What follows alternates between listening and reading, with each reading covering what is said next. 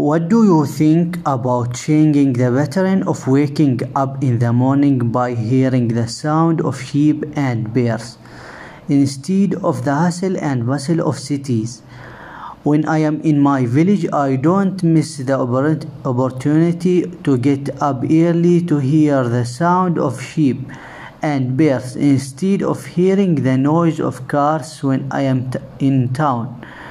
These sounds give psychological and physical activity